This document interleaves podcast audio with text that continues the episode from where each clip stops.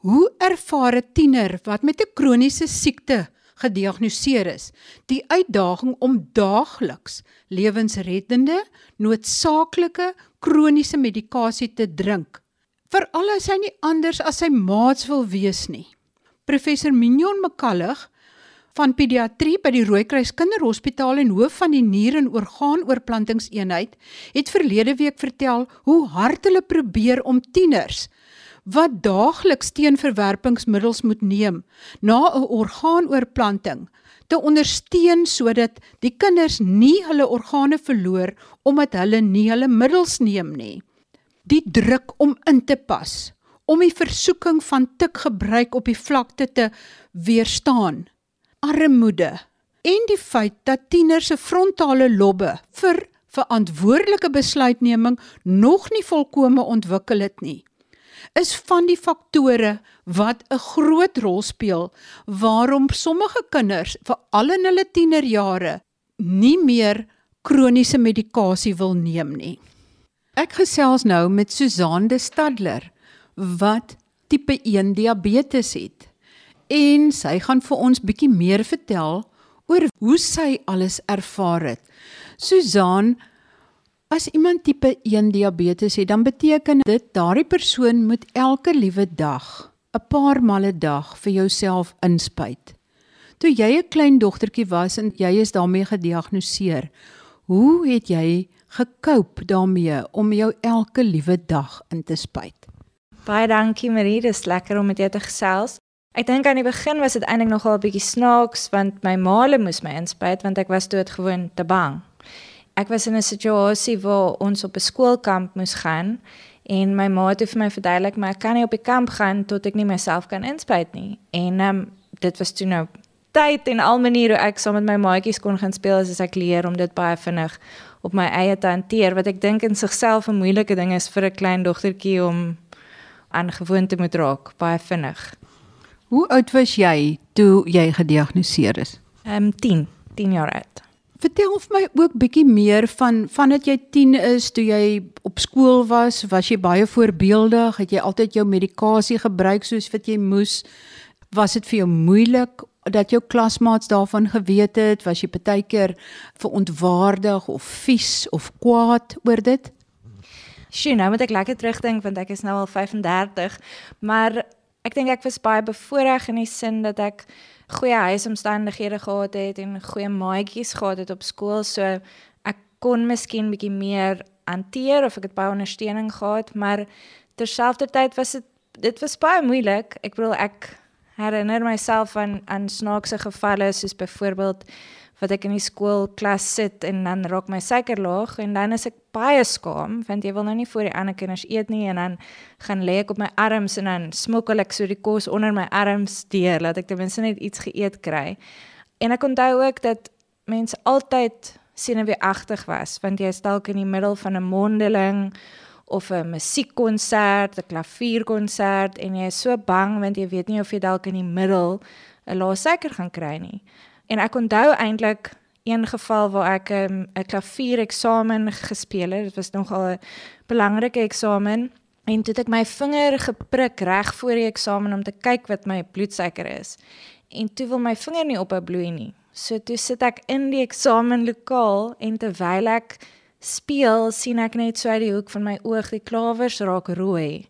En toe speel ek die hele klavier vol bloed. En dit klink nou snaaks, maar dit was angswekkend uh op daai oomblik vir my om hierdie ding wat vir my so belangrik is, voel ek nou in my kop het ek nou opgemors. So ja, dit was maar dis 'n moeilike tyd, maar die tyd daarna was moeiliker. Dis nou presies waarby ons wil uitkom. Dit is nie altyd maklik vir 'n tiener of 'n jong mens om medisyne en behandeling wat jy elke liewe dag moet volg tot die letter te volg nie. Hoe dit jou getref? Ek onthou hier in my matriekjaar het uit die wiele begin afval en ek dink dit is miskien met alles wat saamkom met in matriek wees en die stres van wat nou en wat gebeur na matriek ensovoorts en toe op universiteit toe die wiele nogal af afgeval soveel so dat ek het myself 'n paar keer in die hospitaal gevind van te hard kuier en skaam wees, ehm um, nie anders wil wees as die ander studente en die ander vriende nie.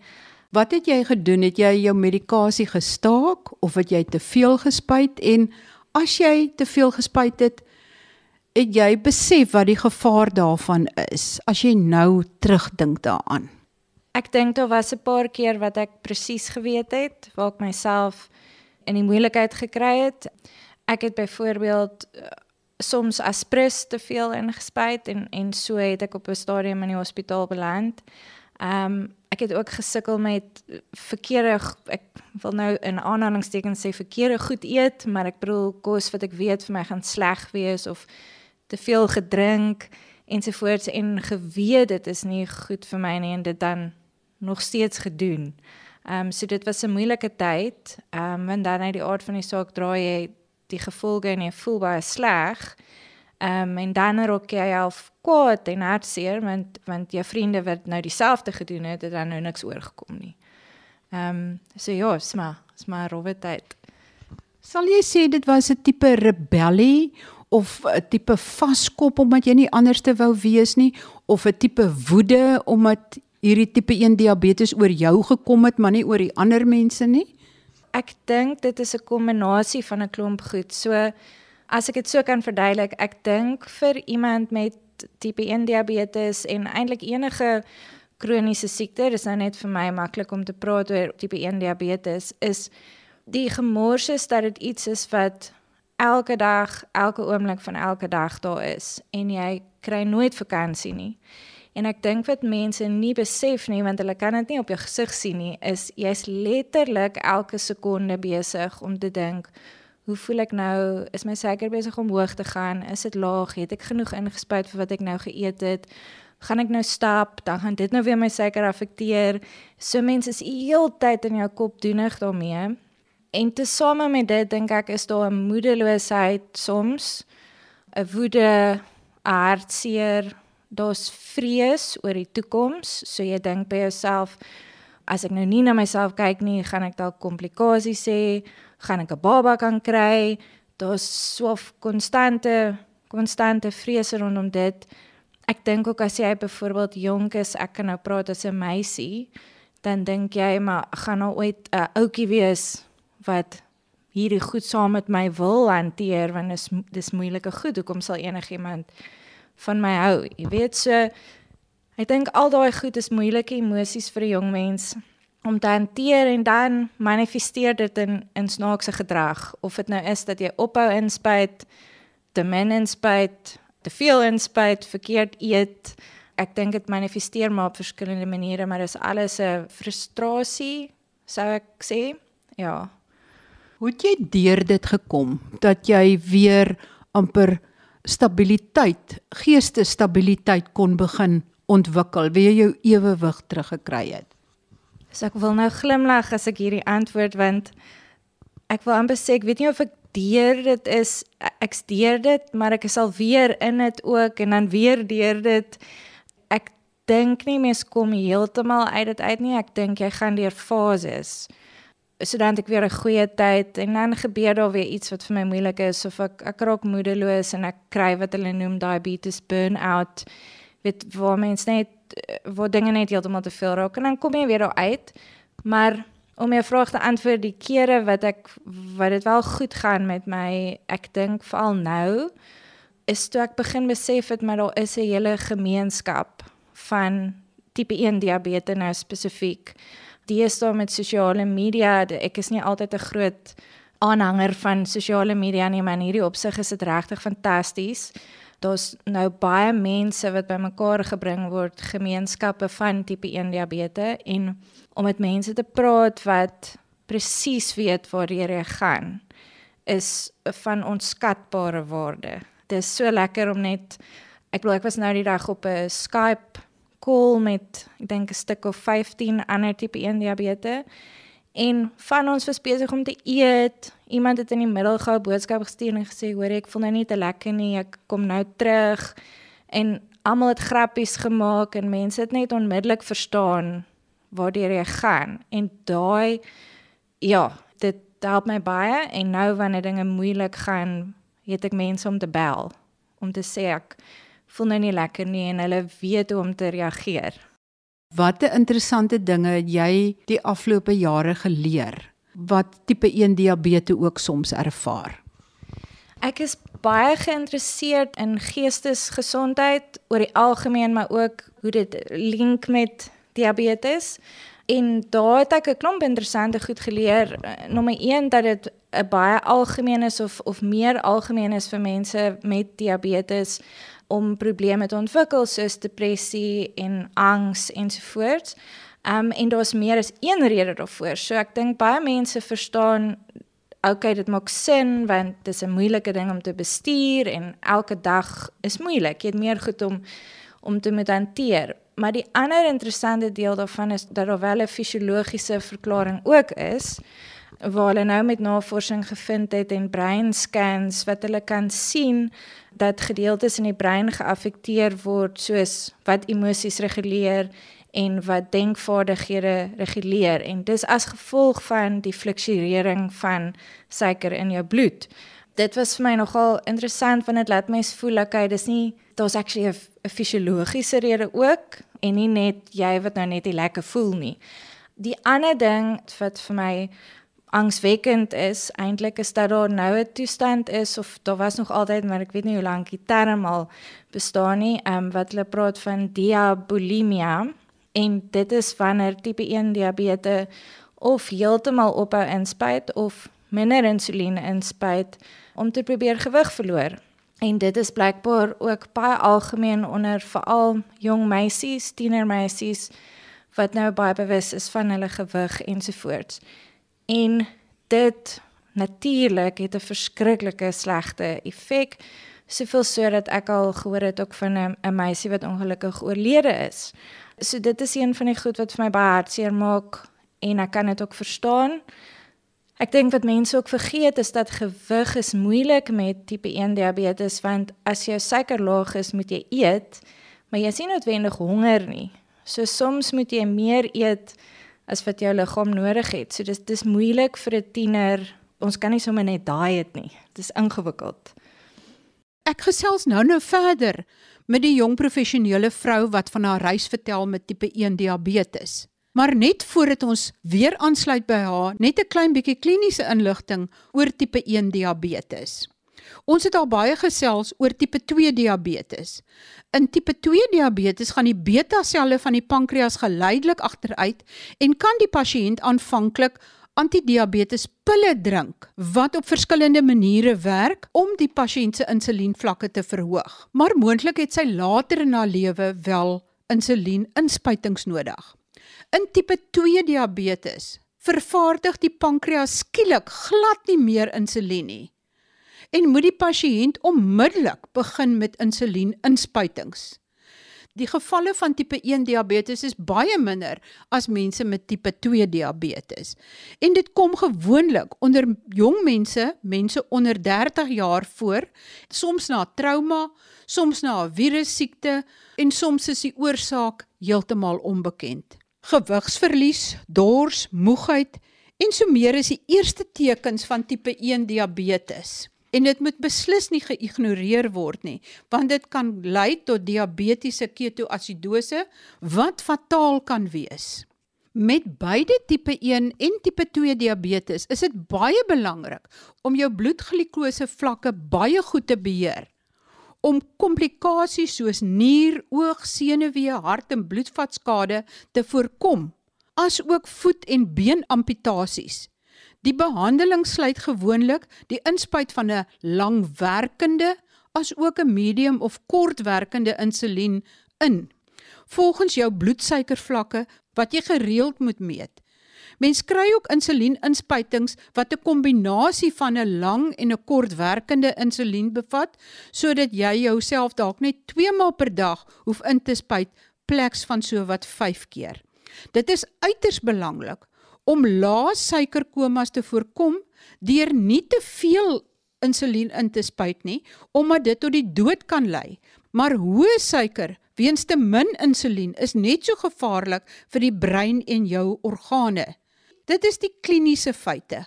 Maar ons konsentreer vandag op die menslike ervaring veral van 'n jong mens. Ek gesels nou verder met Susan de Stadler, 'n 35-jarige professionele vrou, maar wat op 10 jaar ouderdom met tipe 1 diabetes gediagnoseer is. Is jy bang vir sekere van die komplikasies? Ek bedoel dit kan komplikasies hê op jou niere en jou bloedvatstelsel en jou senuweestelsel en so aan. So dis baie belangrik om dit baie goed te reguleer. Is jy bang vir daai komplikasies? Ja, nee, ek is verseker en ek dink ongelukkig het ek al deur die 25 jaar wat ek diabetes het, het ek al 'n paar dokters gehad um, wat miskien nie altyd heeltemal goeie woordkeuses gebruik het nie. Dis so wat byvoorbeeld vir my sou gesê het, maar as jy nou gaan aanhou om so verkeerd te eet, dan gaan jou voete eendag afvrot. En ek ek praat nou die waarheid, dit was 'n dokter wat dit vir my gesê het. So mens word maar groot met daai konstante vrees en dit is maar ook mense se manier om jou te probeer motiveer. Maar ek dink soms het dit die heeltemal die teenoorgestelde uitwerking. Van dit veroorsaak soveel angs dat mens amper dan die teenoorgestelde doen. So ek het inderdaad daai vrese veral as ek dink wanneer ek ouer word, van diabetes gebeur geleidelik. Jy sien dit nie nou nie, maar oor 30 jaar dan is daar skade wat jy nie kan terug weer terugwerk nie. Maar ek wil wel byvoeg dat in die afgelope 25 jaar is die mediese kennis het so toegeneem en die tegnologie rondom hoe ons diabetes kan bestuur is so fantasties dat daar daar's nou baie hulpmiddels wat maak dat mens die komplikasies kan verhoed. Um, en dit is die dis die goeie nuus. So ek hou daaraan vas. Susan, kan jy 'n redelik normale lewe lei? Kan jy deelneem aan sport? Kan jy laat gaan slaap partykeer? Kan jy partytjie hou of moet jy die hele tyd in jou kop hou die dinge wat jy eet? en wat jy doen. Jy het net nou gesê daar is nie eintlik 'n vakansie nie, maar hoe naby aan 'n normale lewe kan jy lei? Ek kan amper 100% normale lewe lei. Ek dink dit is net met 'n bietjie meer moeite. As ek dit so kan stel, miskien kan ek vir jou 'n voorbeeld gee. So ek kan aan sport deelneem en ek kan gaan draf en ek kan eintlik enigiets doen en ek dink al was al tipe 1 diabetes wat Kilimanjaro geklim het. Maar met moeite. So jy moet baie meer gereguleerd wees. Um jy moet presies weet wat om te eet, wanneer om te eet.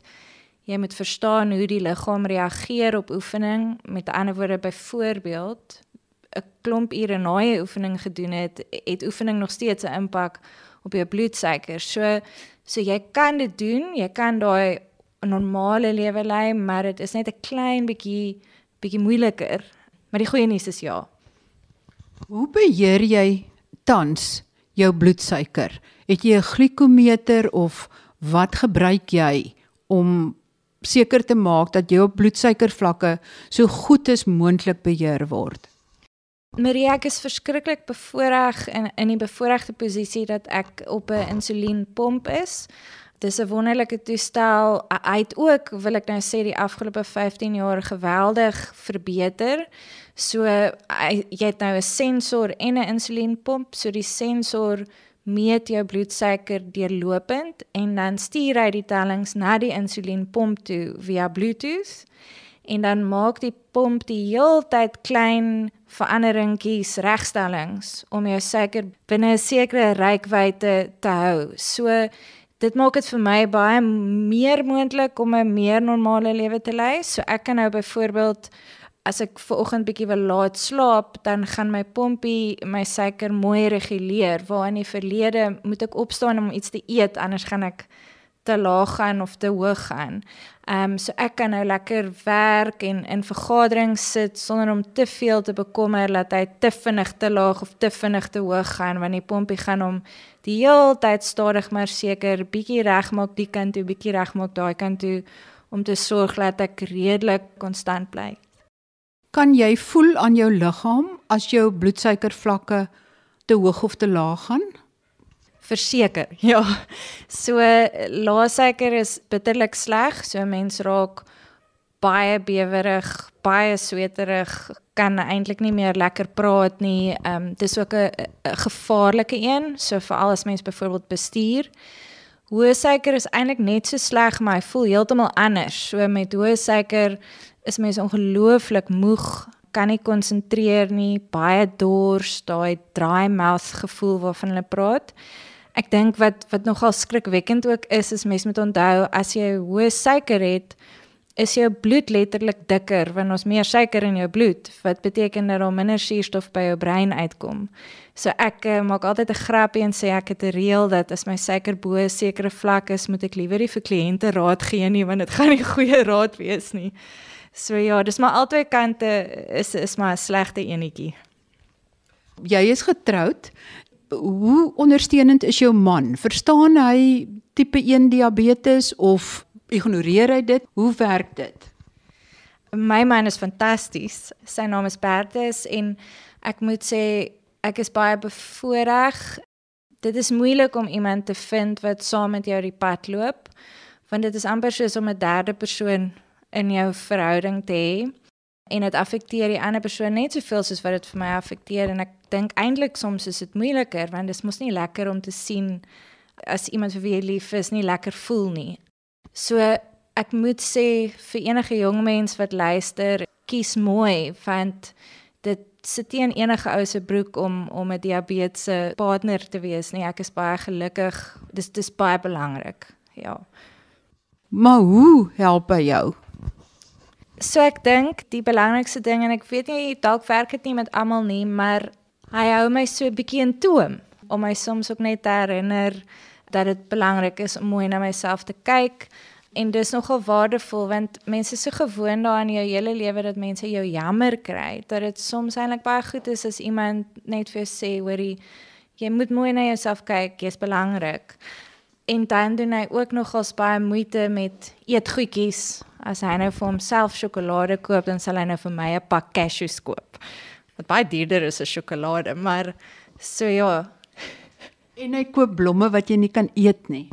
Ja, definitief. Hy hy verstaan dat ehm um, blomme is eintlik baie lekkerder as sjokolade. As daar een iets is wat jy graag wil hê die luisteraar moet weet, veral die jong luisteraar. Wat sal jy vir daai persoon wil sê, die tiener wat nou deur 'n moeilike tyd gaan of eintlik vir jouself toe jy jonger was? Watse raad kan jy gee wat jy dink daai een deur 'n moeilike tyd sal kan help. So ek dink is belangrik miskien vir of dit sou vir my belangrik gewees het om te weet jy kan 'n normale lewe lei. Jy kan 'n lekker werk hê, jy kan goeie vriende hê, jy kan 'n wonderlike partner ontmoet, jy kan trou, jy kan kinders hê. Deesdae is daar baie baie mense wat ek ken tipe 1 diabetes met kinders en hulle is heeltemal gesond so jy kan okay wees. Ek dink miskien ook dat mens moet ook ek gaan nou die Engels gebruik but be kind to yourself. Dit is ook okay om nie altyd alles reg te doen nie. Dit is oukei okay om baie keer deur dips te gaan. Mens moet net weer daar kan uitkom.